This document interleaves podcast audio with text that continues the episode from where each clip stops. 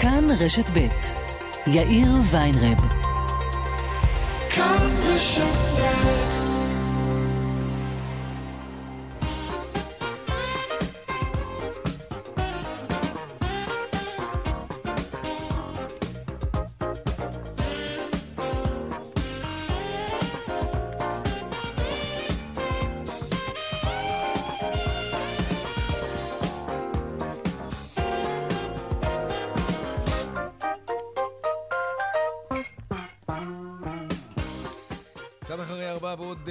חמש דקות, כאן צבע כסף ברשת ב', יום... איזה יום היום? יום שני. כן. שלום רב לכם, כאן צבע הכסף, העורך רונן פולק, בהפקה אביגל בשור, טכנאי השידור קובי בז'יק, הדועל שלנו, כסף, כרוכית, כאן.org.il, אני יאיר ויינרב, מעכשיו עד חמש, אנחנו מיד מתחילים.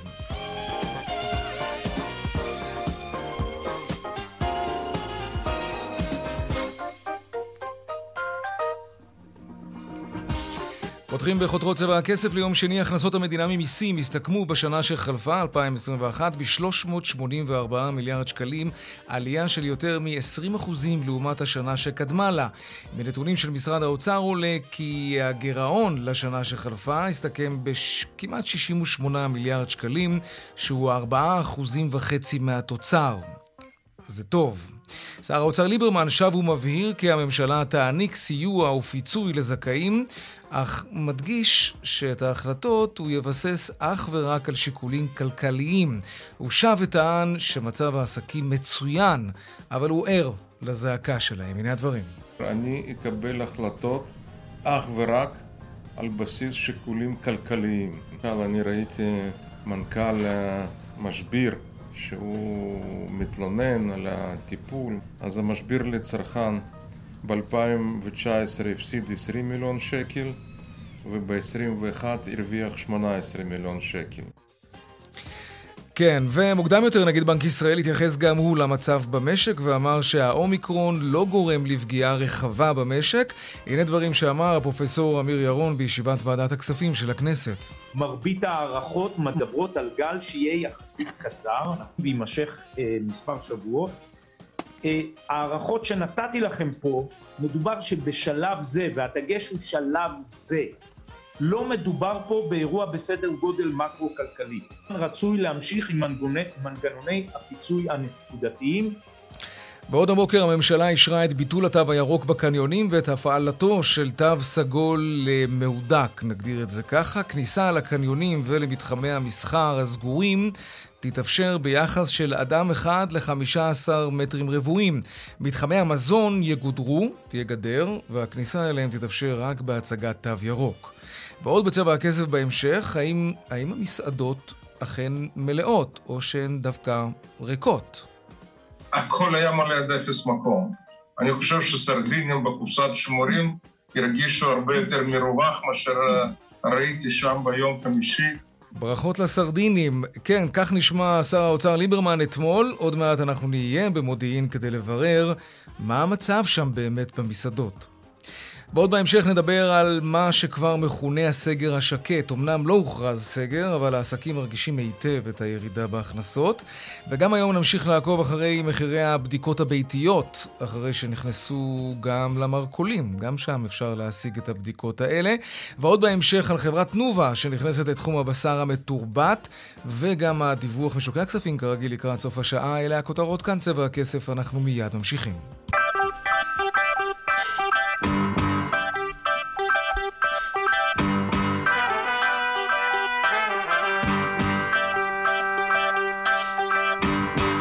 טוב, אנחנו פותחים במה שנראה קצת מנותק ממה שרבים בציבור חשים, בעיקר העובדים בענפים שלא התאוששו מהקורונה עדיין, אבל מצבה של הכלכלה שלנו אה, לא רע. אולי אפילו מצוין. על הנייר, כמובן. הכנסות המדינה זינקו ב-2021, בשנה שעברה, ב-20 אחוזים, והגירעון הצטמק. שלום שאול אמסטרדמסקי, ראש התחום הכלכלי שלנו, מגיש משחקי הכיס בכאן 11. שלום יאיר, מה נשמע? אני בסדר. שמע, 413 מיליארד שקלים הכנסות מדינה, זה וואו. זה וואו. אבל? או שאין אבל? לא, אין אבל, זה וואו. זה, זה בהחלט וואו. זה וואו גם כשמשווים את זה ל-2020, שזה עוד החלק הקל, כי 2020 הייתה שנה נכון. פח. כן. אה, אבל גם כשמשווים את זה לשנת 2019, שם אנחנו מדברים, זאת אומרת, בהשוואה ל-2019, זה הגידול שהזכרת, זה גידול של 19 אחוזים, מה שאומר שכן, זה באמת וואו. אה, רוצה שנפרק את זה? בוא נפרק כן, את זה. כן, כן. אם אם אתה רוצה, אני לא יודע, נו, שזה הזמנו אותך. סבבה. אז אה, כשאנחנו מפרקים את זה, שאול? כן, אתה שומע כן, אותי? כן, עכשיו כן. כשאנחנו מפרקים את זה, אז אנחנו רואים שמקורות הגידול אה, של הכנסות המדינה ממיסים, אה, יש אה, מיסים על צריכה, אנחנו הגדלנו מאוד את הצריכה שלנו בשנת אה, 2021, כולנו משלמים מע"מ, הדבר הזה מאוד מגדיל את הכנסות הממשלה ממיסים, אבל קרו עוד דברים. והדברים האלה זה למשל גידול משמעותי בהכנסות מנדל"ן, כי המדינה קצת נמצאת איתנו ב- ב- במובן הזה בניגוד עניינים, כי כשמחירי הנדל"ן עולים, גם המיסים של הממשלה, כל, כל מיסי הקנייה, הרכישה, השבח וכולי שיש בשוק הנדל"ן, ההכנסות האלה מאוד עולות, אה, ולכן אני מאוד נהנית כשזה קורה. אה, והדבר השני שאתה יכול לראות, אנחנו מדברים סתם כאילו שתבין, מספרים אה, מטורפים, כן, בוא אני אצטט לך קצת, איפה הדבר הזה, הכנסות נטו ממיסוי נדל"ן גדלו בשיעור של 105 וואו. טוב, האמת שאנחנו משקפים את זה כמעט כל יום כשאנחנו מדווחים על מה כן, שקורה במשכנתאות ובמכירת דירות והמחירים כמובן, שזה נגזרת של המיסים, כן. אז זה מקור אחד. מקור שני זה שוק ההון. שנת 2021 הייתה שנה מטורפת בבורסה, הבורסה עלתה מאוד, הרבה אנשים מימשו הרבה מאוד מניות, זאת אומרת, מכרו הרבה מניות זה, אה, או קרנות נאמנות, לא חשוב, ברווח. על דבר הזה משלמים 25% מס. גם פה אנחנו רואים קפיצה אדירה. שתבין, אנחנו מדברים על גבייה של 7 מיליארד שקלים במיסי, אה, אה, אה, במיסי הון בשנת 2021, שזה גידול של כמעט 50 אחוז. מהמם. לעומת שנת 2020. אז שני הדברים האלה, גם נדל"ן וגם זה, פלוס תוסיף את כל אה, אה, אה, אה, מה שקשור לצריכה, שאנחנו באמת אה, אה, צרכנו הרבה יותר, אתה רואה עלייה של 17 אחוזים אה, אה, במע"מ, בעיקר אה, בשנת 2021, ואתה מקבל באמת שנה מטורפת במיסים. טוב, הכנסות ממיסים זה עוד סימן כמובן שהמשק חזר לפעילות, אבל אתה יודע, אנשים, אנשים שומעים את המספרים האלה, בעיקר אנשים שצריכים עכשיו סיוע ממשלתי כדי לשרוד, ויש כמה ענפים בצרות, כן, תרבות, תיירות, תעופה, מלונאות וכולי. אה, ההכנסות האלה הן הזדמנות לעזור קצת יותר בנדיבות, או שלאו דווקא? אז בוא נגיד איזושהי משהו, א', התשובה לשאלה ש, שאמרת עכשיו היא לא, אין פה איזו תשובה אמפירית. זה, התשובה היא אה, כרוכה בתפיסת עולם, האם אנחנו חושבים שהממשלה צריכה לעזור או לא, אם אנחנו חושבים שכן, תמיד יש כסף. לא, לא זה האישו. אוקיי. מבחינה טכנית, ההכנסות האלה, הגידול בהכנסות האלה, זה לא, זה לא כמו, אה, לא יודע מה, חשבון הבנק שלך, שפתאום יש לך שם עוד 500 מיליון שקל ואתה אומר, בוא'נה, איזה דברים מטורפים אני יכול הפה לעשות. שלך, כן. כן, במקרה של המדינה זה עובד אחרת. אני מזכיר לך שהמדינה כמעט תמיד מוציאה יותר כסף ממה שהיא מכניסה. ולכן כשההכנסות שלה מאוד גדלות ביחס לתחזית, ובכלל, זה אומר שבעצם הגירעון שלה יותר קטן. כלומר, הפער בין מה שהיא מוציאה לבין מה שהיא מכניסה הוא יותר קטן. היא. עדיין במינוס, הוא פשוט קטן יותר. וזה מה שקרה השנה. מינוס, כן. זה מה שקרה השנה, בפרט שאנחנו מדברים על זה שההוצאות בגין הקורונה עדיין מאוד מאוד גבוהות. יותר קטנות מ-2020, אבל עדיין יותר גבוהות, ולכן זה לא שהכסף הזה, יש לנו עכשיו איזשהו פלוס ענק ואנחנו יכולים לחלק אותו לכולם. הוא פשוט הקטין את הגירעון, זה מה שקרה. שלא נחטוף איזו תחושת עושר, שזה מושג בכלכלה. חס ושלום, כן. חס ושלום, מה אתה תחושת? אושר, מה פתאום, חס וחלילה. טוב, לא, לא נסיים לפני שנדבר קצת על התחזית ל-2022, איך היא תיראה? האם אנחנו צפויים למספרים האלה גם אז? אז תראה, 2022, בגדול, אתה יודע, אם נפתח עיניים ונסתכל מסביב, כל התחזיות כרגע על הקרח, אנחנו מדברים על תחזית של בנק ישראל שאומרת משהו כמו חמישה אחוזי צמיחה, אה, שזה קצת פחות מהשנה, אבל הרבה יותר טוב מקצב הצמיחה הממוצע שלנו לפני הקורונה, אבל, אתה יודע, כל זה כזה לפני האומיקרון, ולא ברור לאן האומיקרון הזה לוקח אותנו. לכן כן. אני לא רוצה להסתכם בתחזיות לגבי שנת 2022, גם לא ברור לאן שוק ההון ילך, יכול להיות שהוא ילך למקום לא טוב בכלל. אה, ואז יכול להיות שהתמונה תראה אחרת לגמרי. אנחנו מאוד מאוד בהתחלה, והקורונה הזאת עדיין שמה אותנו באי ודאות כל כך גדול, שאנחנו לא באמת יכולים להעריך. זו, זו האמת. שאול אמסטרדמסקי, תודה רבה. בשמחה. להתראות, ערב טוב שיהיה. טוב, אה, אנחנו מדלגים לעניין הבא שלנו. שר האוצר ליברמן סיפר אתמול שהוא היה עם חבר בבית קפה במודיעין, והוא לא ראה אפילו שולחן אחד פנוי. הכל היה מלא עד אפס מקום, הוא סיפר בתדרוך לעיתונאי. הנה הדברים שהוא אמר.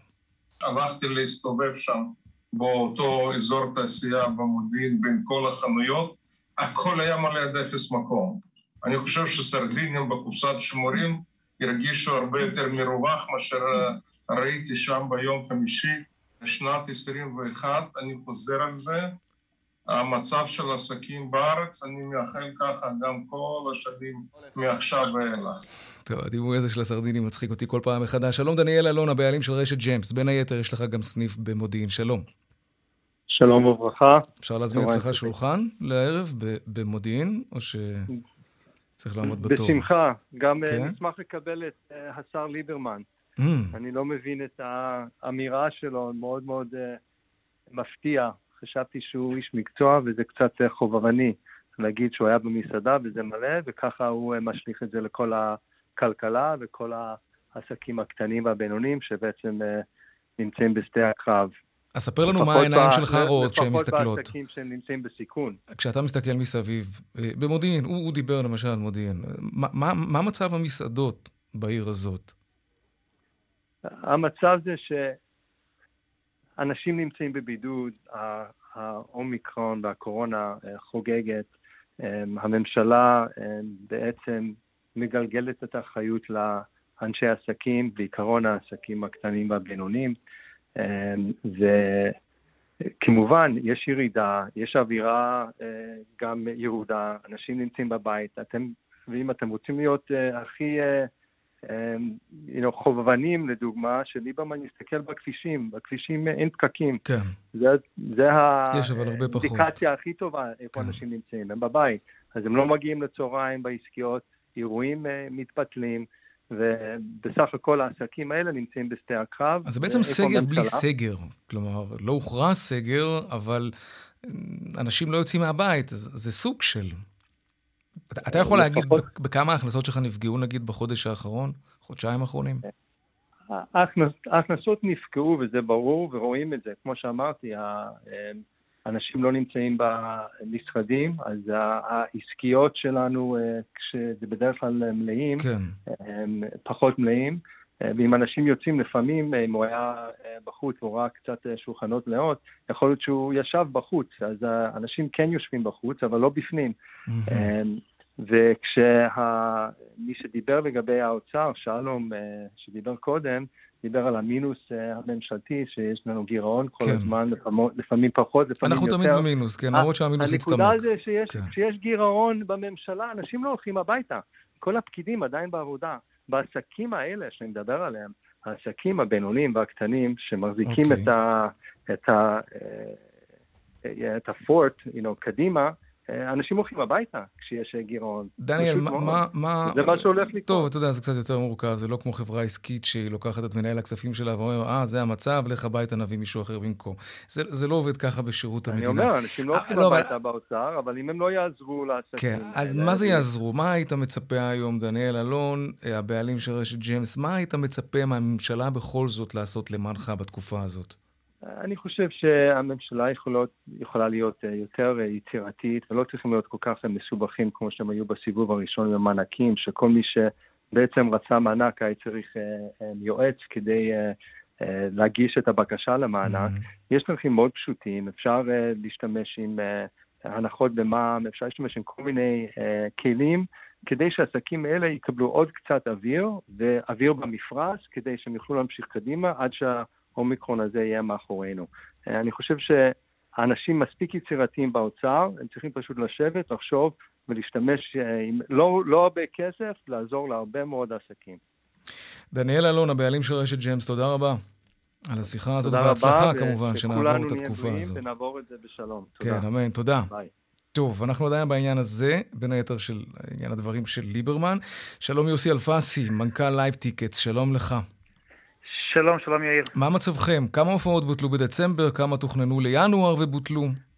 האמת, אה, בחו"ל, אנחנו מתעסקים בעיקר בחו"ל, אה, שום דבר כמעט אה, לא נדחה ולא בוטל. היו כמה משחקים כדורגל, כדורגל באנגליה שנדחו, אבל בגדול העולם ממשיך. הכדורגל ממשיך, ההופעות ממשיכות, ורק אנחנו פה בארץ לא יכולים לצאת. Mm, זאת בעיה. אתה ממש רואה את הארץ המובטחת ולא יכול להגיע אליה. האמת שכן, ראינו, אה, תראה, תקופת ה Christmas אצלנו זה חגיגה אחת גדולה, זו תקופה הכי חזקה של השנה. כן. אה, וראינו שבעצם מ-100% capacity פתאום ירדנו לפחות מ-10%. או-אה, באמת? כן, כן, כולל המון מלאים שקנינו מראש, כי ידענו שזה הולך להיות תקופה חזקה. מה קורה באמת עם מה שקניתם? הלך. הלך? או שמכרנו במחירים מאוד מאוד נמוכים בחו"ל, לקוחות בחו"ל. טוב, אין ברירה. כמה, כמה, כמה עובדים אתה מעסיק, יוסי, ב Live Tickets? אנחנו, לפני הקורונה היינו 13, היום אנחנו שבעה. ומה הסטטוס של העובדים בימים האלה, כשאתה אומר שיש לך כמעט, כמעט ירידה של 100% בהכנסות? יש לנו, יש לנו ירידה של יותר מ-100%, צריך להבין את זה. בהזמנות יש לנו ירידה של 90%, אבל אז צריכים להחזיר ללקוחות כסף, צריך uh, לשלם על מלאי אבוד, כן. צריך לשלם משכורות, לשלם uh, uh, הוצאות קבועות, ואז פתאום אנחנו נמצאים ב-120% פחות ממה שהיינו ב-2019. אתה נאלצת לפטר את השבעה עובדים שעוד עובדים אצלך, או שאתה איכשהו מחזיק אותם אני, עדיין? אני, אני מחזיק אותם, כי אצלנו העבודה זה, זה משפחה, אנחנו, אנחנו מאוד מאוד קרובים אחד לשני. לפעמים אנחנו מהדקים את החגורה, אז אנחנו, הבעלים לוקחים פחות. העובדים מסתפקים קצת פחות, אבל אנחנו שורדים את זה. כרגע, אני לא יודע מה יהיה עוד חודשיים, אנחנו כרגע... אם יחזור מודל החל"ת, למשל, זה משהו שהיית רוצה לראות, לא, לא רק לטובתך, לטובת אני... העסק שלך, אלא גם לטובת עסקים אחרים אולי. אני, אני חושב שמה שהציל אותנו בעצם זה המענקים והחל"ת, זה נכון בתקופה הראשונה של הקורונה, בעצם כן. עד יוני 2020. העניין שהיום אני לא צריך חל"ת, אני רק צריך שהעובדים יישארו בעבודה ויעשו לי לממן אותם. מהסיבה לא כי אני חזיר, אלא מהסיבה העיקרית שבזמן הזה אני יכול אה, בעצם להתמודד ולהכין את עצמי ליום שאחרי. וביום שאחרי אתה תרוויח לך... כסף ותשלם מיסים. יש פה גם אינטרס ו... של המדינה להשאיר אתכם בחיים. בדיוק. אתה יודע מה, אני אגיד לך יותר מזה. כן. אני גם מוכן להחזיר את... אני, אני לא רוצה מענק, הלוואה. האמת שזה הדבר הכי נכון לעשות, כי זה כסף ציבורי. תן לי סיוע. כן. תמדוד אותי שלושה חודשים, תגיד לי רבעון ראשון של 2022 לעומת רבעון ראשון של 2019. כן. אם, אם הגעתי לזה, יכול להיות שמרץ יהיה לי חודש מדהים, כי שמרתי את העובדים שלי וקניתי מלאי והצלחתי לחזור לעצמי, קח כן. את הכסף.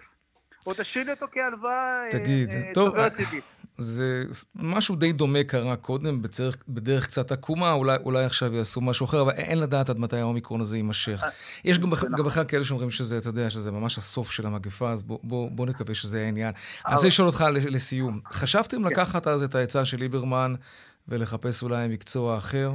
למרות שהוא יותר כיוון לאנשי התיירות הנכנסת ופחות אליכם, אבל בכל זאת אני שואל גם אותך, אם זה לא העידן שלכם, ולך תדע כמה זמן זה יימשך, אנחנו מקווים שלא כמובן, אבל אם, לשנות מקצוע, הוא אמר את זה. אבל מה זה לשנות מקצוע? אנחנו בספטמבר ואוקטובר, השוק, התיירות היוצאת חזר לעצמו. נניח שאנחנו חוזרים לעצמנו במרץ, למה להחליף מקצוע? אנחנו עושים את זה הכי טוב, אנחנו החברה הכי גדולה בארץ בתחום. 16 שנה, יש לי עובדים שעובדים אצלי למעלה מ-10 שנים. למה להחליף מקצוע? למה? חוץ מזה יש פה חופש, חופש העיסוק. אנחנו לא עובדים באיזה משהו שכבר לא קיים בעולם. יכול להיות שיש מקצועות שלא קיימים, המקצוע הזה קיים. בזכותנו, דרך אגב, הלואו קוסט פרח בארץ, למה? כי אנחנו תיירות יוצאת. היה שווה לבוא לארץ. מטוסים טסו פה... היו חבילות טובות למשחקים, עם טיסות חסך. בוודאי, נניח שאנחנו לא נהיה. אז מה, יקנו בחו"ל, ואז יעקצו, ואז יקבלו מה שהבטיחו. יוסי. יוסי אלפסי, מנכ"ל Live Tickets, תודה רבה על השיחה הזאת. תודה רבה, תודה. להתראות. ושלום ארנון בר דוד, יושב ראש ההסתדרות. שלום, ערב טובים. מה אתה אומר על האוטופיה ששר האוצר רואה, לפחות בענף המסעדות, מסעדות מלאות עד אפס מקום? גם לך יש את אותן משקפיים. יש לי משקפיים, אבל אתה יודע, בסוף צריך לראות נכון. כן. וכנראה ששוטף אותנו גל גדול מאוד שצריך להתארגן אליו. ולא לטמון את הראש בחול ולהגיד שיכול להיות שאנחנו עדיין לא רואים את ההשלכות של זה. לדעתי תוך שבוע יהיה פה השיטפון או שבועיים, וצריך להיערך, אי אפשר לבנות את הראש בחול. אני אומר עוד פעם, צריך להיערך לפיצוי ולראות מה הענפים שנפגעים ולטפל בהם. זה מה, ש... זה. זה מה ששר האוצר ו... ופקידיו עושים? טומנים את ראשם בחול ולא מסתכלים למציאות בעיניים? אני חושב ש... אני לא אמרתי את זה, אני אומר שצריך לראות נכון.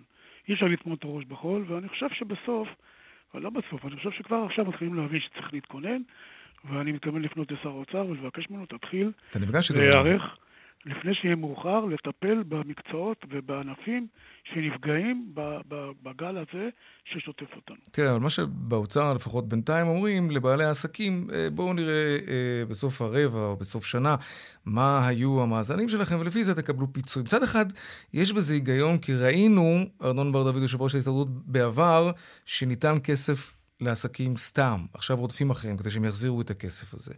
אז אולי לעשות את זה כירורגית, נקודתית, זה כן הדבר הנכון כדי למנוע בזבוז של כסף.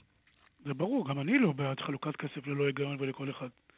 אבל אני כן בעד לתת ודאות וסיוע לעסקים הקטנים, שהם הבעיה ולא שום מקום אחר. אני חושב שלמדנו בקלים הקודמים, לא צריך לתת פה כספים לחברות הענק שבסוף גם לקחו דיבידנד לעצמם. מהמם. אבל כן לתת לעצמאים הקטנים, לתת להם איזושהי ודאות. צריך לייצר פה ודאות לאנשים, וצריך להנהיג את המשבר הזה, ואני חושב שיש פה איזשהו משבר של הנהגה, בלבול גדול גם בהוראות, וזה גם אה, גולש לכלכלה, וזה דבר שמאוד מטריד אותי, כי בסוף הכלכלה שלנו, של מדינת ישראל, ניסינו ב-2022 לייצב פה את המשק, גם עסקת החבילה. כנראה הצלחנו. אמורה לדבר הזה, וזה לא קורה, ולצערי, למה לא קורה? לצערי כרגע צריך לקחת כסף מהמצב שהשתפר ולהקצות Mm. אותו לטובת הענפים שנפגעו, ואנחנו יודעים לעשות את זה. עשינו תראה, את זה בענף התיירות, סליחה, בענף התעופה, עשינו את זה ממש לפני כמה שבועות. נכון, אבל תראה גם מה אומר נגד בנק ישראל, נדמה לי היום בוועדת הכספים של הכנסת, האומיקרון לא גורם לפגיעה רחבה במשק, זה לא אירוע מקרו-כלכלי, את זה אומר פרופסור אמיר ירון, אה, וצריך להמשיך בפיצויים נקודתיים בלבד, ולא זה משהו גם מה רוחבי. שאני אומר בדיוק. צריך להמשיך בפיצויים נקודתיים.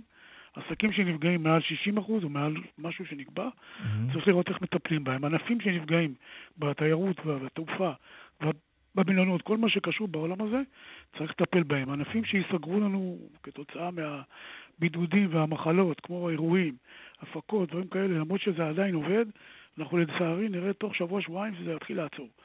ואחר כך ייכנסו העולם של המסעדות. צריך והטיפ- להתחיל לחשוב איך מטפלים בזה. הטיפול הנקודתי הזה, ש- שגם אתה בעדו, זה משהו כן. שלא קורה כשאתה מסתכל על מדיניות האוצר? כרגע הוא לא קורה. מהמם. כרגע לדעתי הוא לא קורה, אני חושב שזה הזמן באוצר להפוך אה, כיוון בראש אה, ולהתחיל אה, לחשוב ולתכנן תוכניות, שלא נמצא את עצמנו עוד פעם מפגרים ומייצרים פה כאוס והפגנות ודגלים שחורים וחולצות שחורות. את זה אני רוצה למנוע.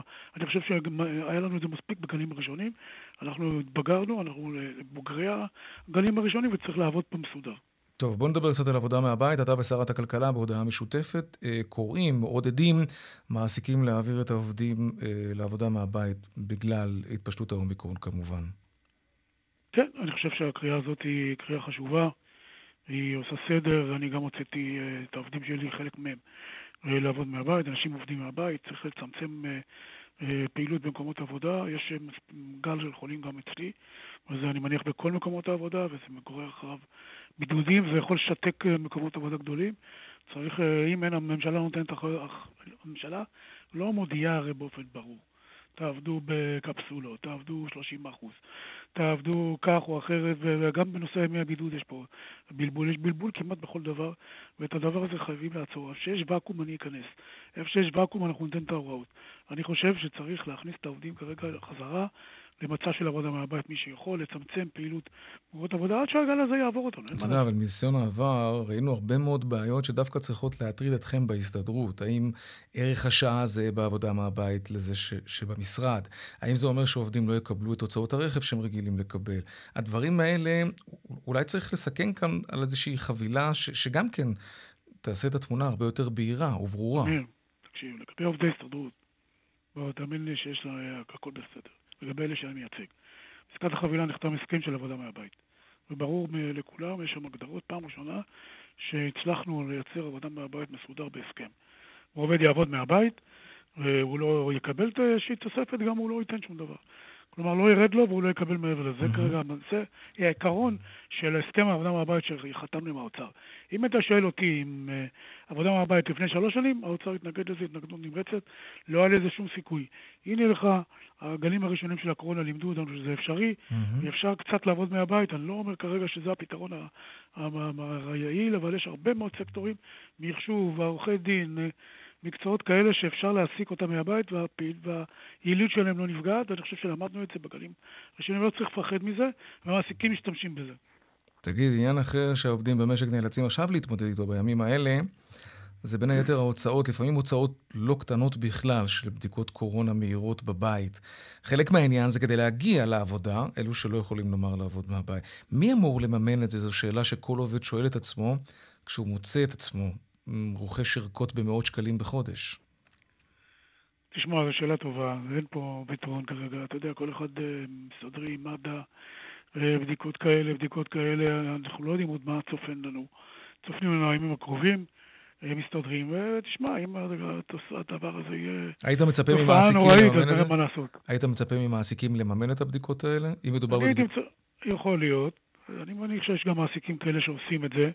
בכניסות למקומות העבודה אני יודע שיש מעסיקים שעושים את זה, ויכול להיות שאנחנו, שזה חלק מהפתרון. אבל בואו, זו בעיה קטנה. בואו, אנחנו רוצים להיות בריאים ורוצים להגיע לעבודה. שזאת תהיה הבעיה. אני חושב שגם המחירים של הבדיקות האלה הלכו וירדו, כי אני קורא ושומע שמיליונים של בדיקות, מיליונים של בדיקות אה, נכון. בדרך לפה.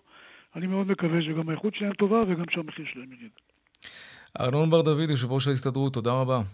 תודה רבה. ערב טוב, שנהיה בריאים. טוב, דיווחי תנועה עכשיו.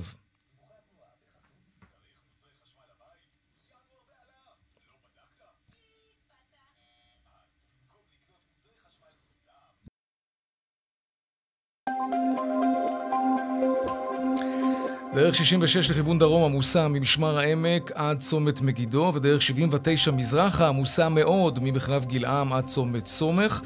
עדכוני תנועה נוספים בכאן מוקד התנועה, כוכבי 9550, ובאתר שלנו, אתר התאגיד, אתר כאן, הפסקת פרסומות קצרה ומיד אנחנו חוזרים עם עוד צבע הכסף. נדבר על מחירי ערכות הבדיקה המהירות. התחלנו לטפל בזה אתמול. מיד חוזרים. ארבע ועוד שלושים וארבע דקות. אתמול עסקנו בהרחבה במחירי הבדיקות המהירות. אנחנו ממשיכים בזה היום. שלום איתן יוחננוף, הבעלים והמנכ"ל של רשת יוחננוף. שלום. איתן? איתן יוחננוף? הבעלים והמנכ"ל של רשת יוחננוף, איתנו על הקו. שלום. איתן? כן, שלום. כן, כן, שלום, שלום. טוב, אה, אנחנו מדברים על הבדיקות המהירות. התחלתי למכור, נשאר עוד על המדפים, תגיד? או שהכל נחטף? עוד יש, עוד יש, וגם הגיעה עוד סחורה. אנחנו דואגים אה, לספק אה, עוד ועוד. אוקיי, כמה עולה... יש לכם ביקוש ער. כמה עולה ערכה כזאת אצלכם?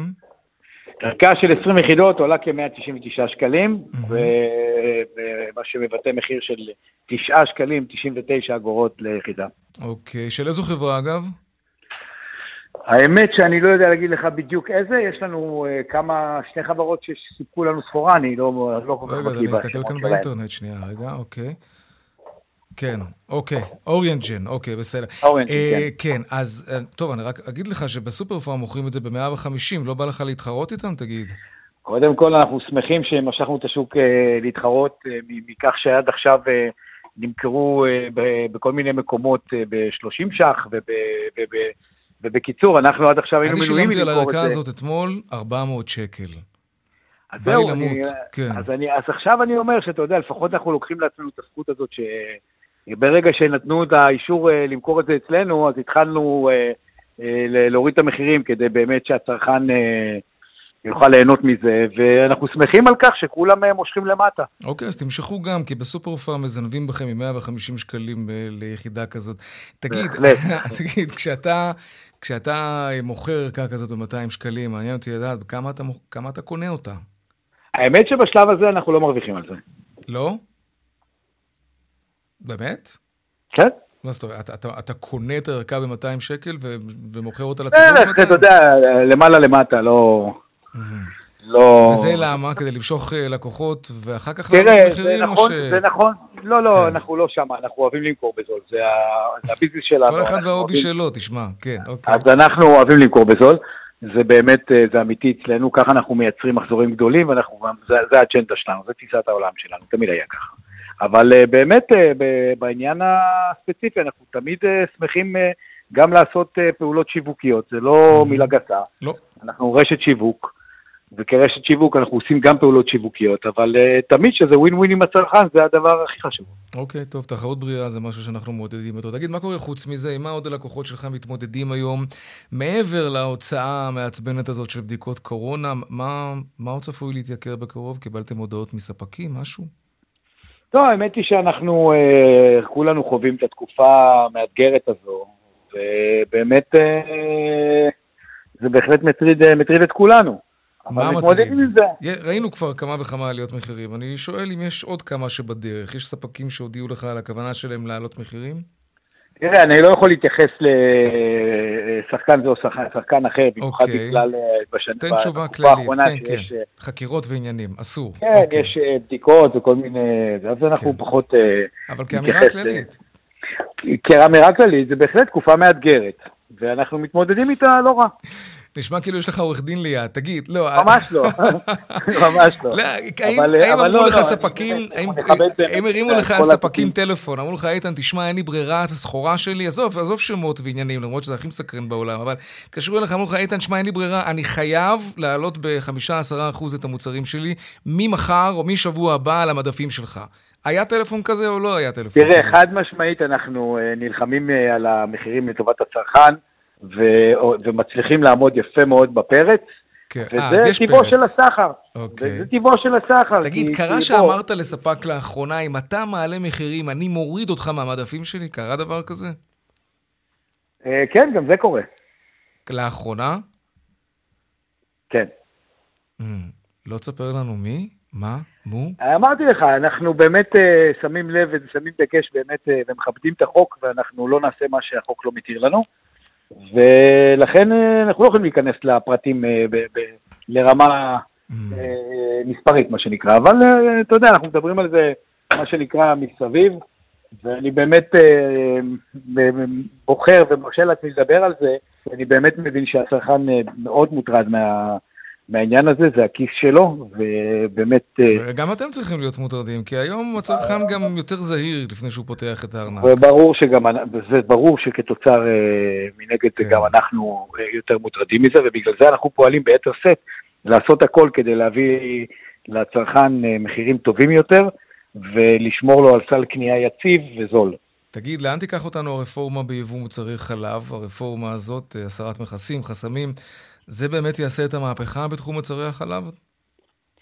תראה, הנושא של רפורמות הוא, כשהוא נעשה, כשהוא נעשה נכון, הוא תמיד מועיל אה, לסחר. אני לא חושב שצריך אה, להרוס את התעשיות המקומיות, אה, או לבוא מתוך איזושהי נקמנות לשירות המכובד שנותנים לנו פה היצרנים המקומיים, או חקלאים, או כל מי ש, שעושה עבודה, וצריך מצד אחד, כן, לשמור עם יד של יבוא, שכשמישהו מאבד את הכיוון ולא יודע לשמור עלינו, אז אנחנו, זה כלי שצריך לדעת להשתמש בו בצורה מדודה, אך לא בשביל להרוס את התעשייה המקומית, היא מאוד חשובה.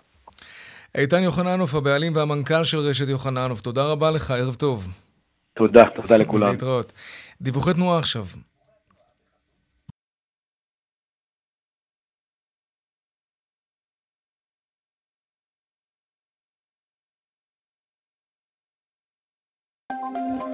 טוב, נספר לכם מה קורה בכבישים. כביש המנהרות מירושלים לגוש עציון עמוס ממחלף רוזמרין עד אל-חדר, ודרך אשדוד-אשקלון עמוסה ממחלף אשדוד עד צומת גן יבנה. עדכוני תנועה נוספים בכאן, מוקד התנועה הכוכבי 9550, ובאתר שלנו, אתר התאגיד, אתר כאן, הפסקת פרסומות קצרה, ומיד אנחנו חוזרים עם עוד צבע הכסף. נדבר על הבשר המתורבת. תנובה נכנסת לתחום הזה. אולי מתי, מתי לא נצטרך לשחוט בעלי חיים כדי לאכול בשר? מיד חוזרים. ארבע ועוד אה, ארבעים וארבע דקות. תנובה נכנסת לתחום הבשר המתורבת, היא חתמה על הסכם עם חברת הביוטק אה, פלוריסטם אה, על הקמת חברה משותפת בתחום המזון המתורבת. שלום אייל מאליס, מנכ"ל תנובה, שלום לך. שלום, שלום, אחר הצהריים טובים לך למאזינים. תודה רבה. מה אתם אמורים לפתח יחד?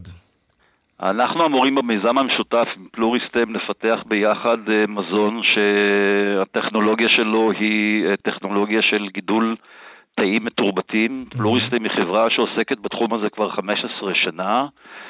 חברה שהיא חברת פארמה, ביוטק, שמפתחת תרופות על בסיס אה, תאים הומניים שגדלים משלייה, והטכנולוגיה המוכחת שלהם, כשמגדלים בכל מנת ייצור עשרות מיליארדים של תאים, יכולה להיות מאוד מאוד רלוונטית ומתאימה גם לעולם המזון.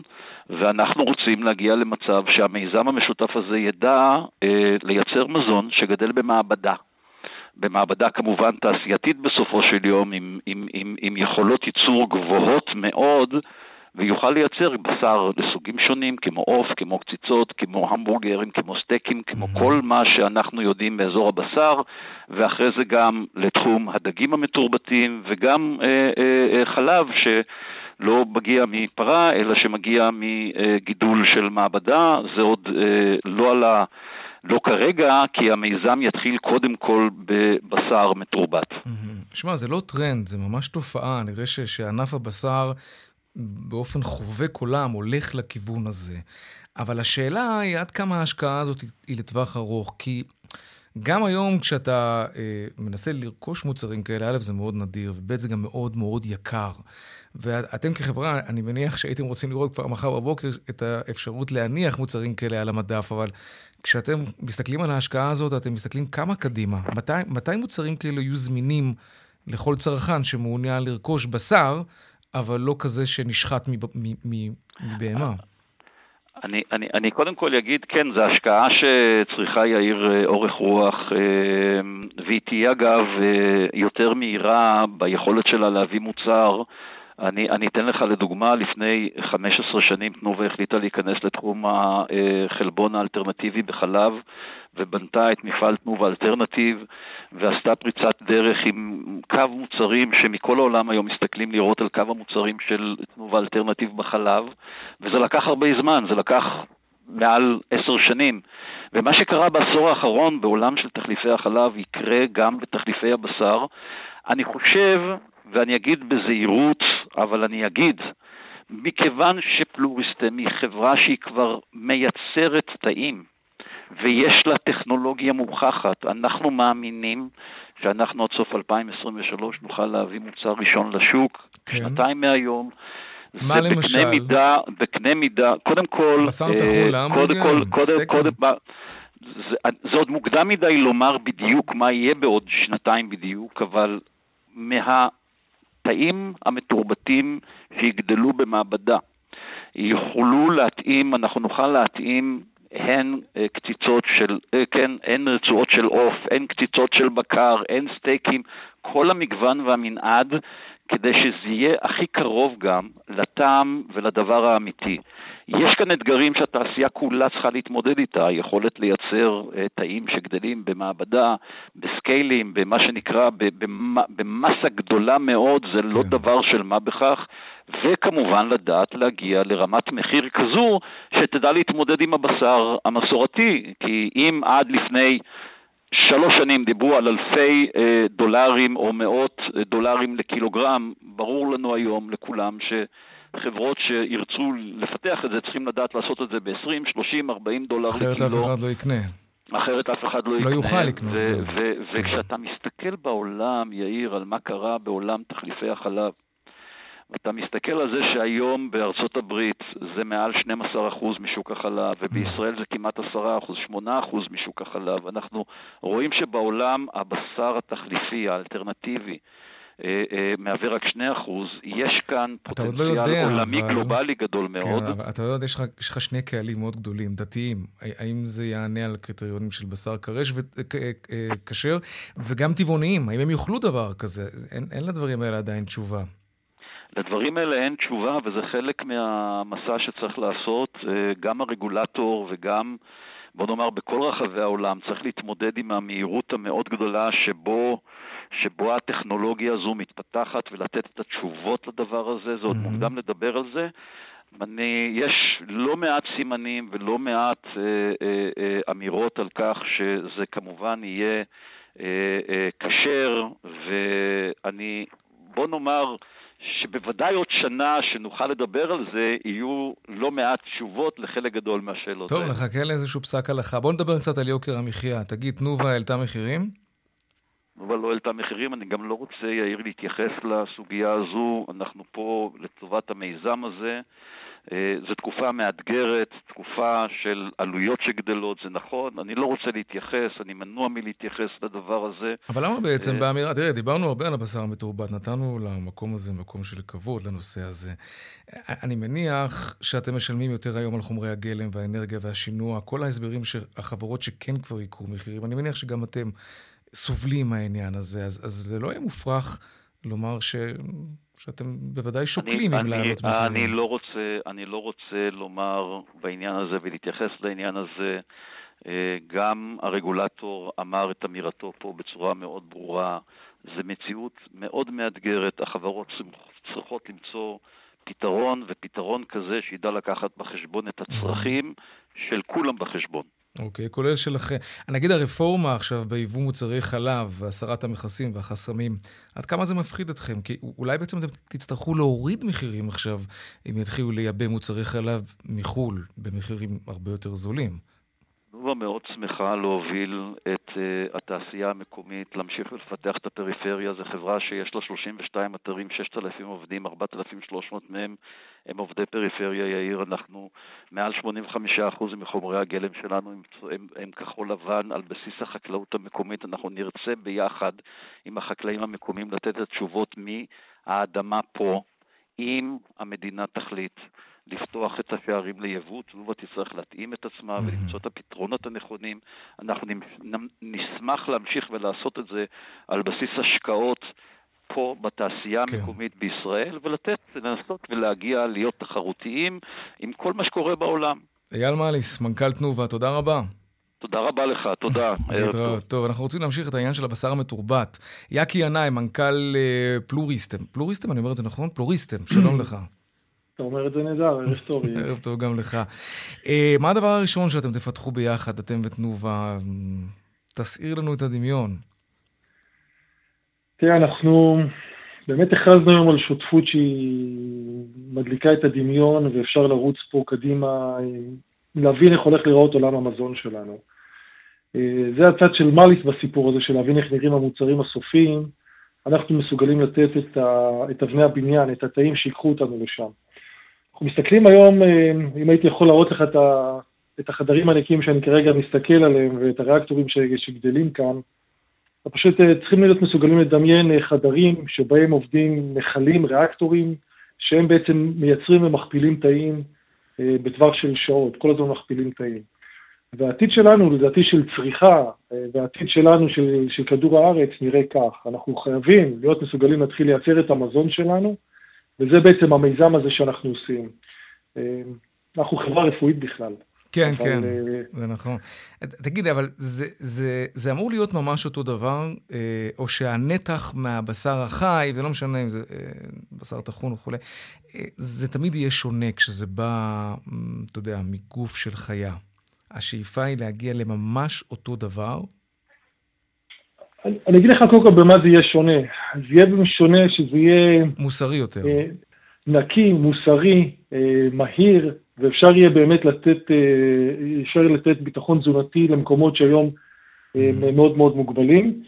ממה שאנחנו רואים את זה היום כרגע, זה צריך להיות, להגיע לרמות מאוד מאוד דומות, וברור לי שהיום שאנחנו בתחילתו של מסע, ואנחנו מיזם שיש לו אמירה להביא את המוצרים האלה מהר מאוד לשוק, אבל אנחנו, אני מעריך שאנחנו נוכל להביא מוצר שהוא מאוד דומה למוצר הסופי, או למוצר שאנחנו רגילים לצרוך אותו היום, mm-hmm. ובתור uh, צמחוני 25 שנה, אני, מחכה לראות דברים כאלה. כן, זה יושב לי מצוין. טבעונים יאכלו את זה למרות שזה ממש בשר אחרי הכל. אמנם לא הרגו חיה בשביל זה, אבל זה בשר. יאכלו טבעונים. אז הקהילה, הקהילה מתחלקת, אתה יודע, לכל הגורמים. יש כאלה שלא צורכים בשר מטעמים מוסריים, עקרוניים, לשמור על כדור הארץ ובאמת אה, לא לייצר סבל. זה עולם אחד שהם מחכים לזה, והיום קיבלתי הרבה מאוד הודעות שכולם הזמינו את עצמם להיות הראשונים שתואמים את ההמבורגר שנוציא מפה. אה, באמת כאלה אולי שלא רוצים לצרוך בשר, שזה עולם שני, אבל אני כן. באמת רואה פה קהל גדול, וזו בשורה, בשורה גדולה מאוד. מעניין גם מה יהיה בעניין של הכשרות, כמובן זה מסקרן כשלעצמו. יאקי ינאי, מנכ"ל פלוריסטם, תודה רבה. תודה רבה לכם. להתראות. טוב, אה, לעדכון משוקי הכספים אנחנו מדלגים מיד. אמיר יאל, יושב ראש אינפיניטי, שלום, רואה חשבון אמיר יאל, שלום. שלום, שלום מאיר, אחרי הצהריים טובים. כן, בואו נרוץ על השווקים.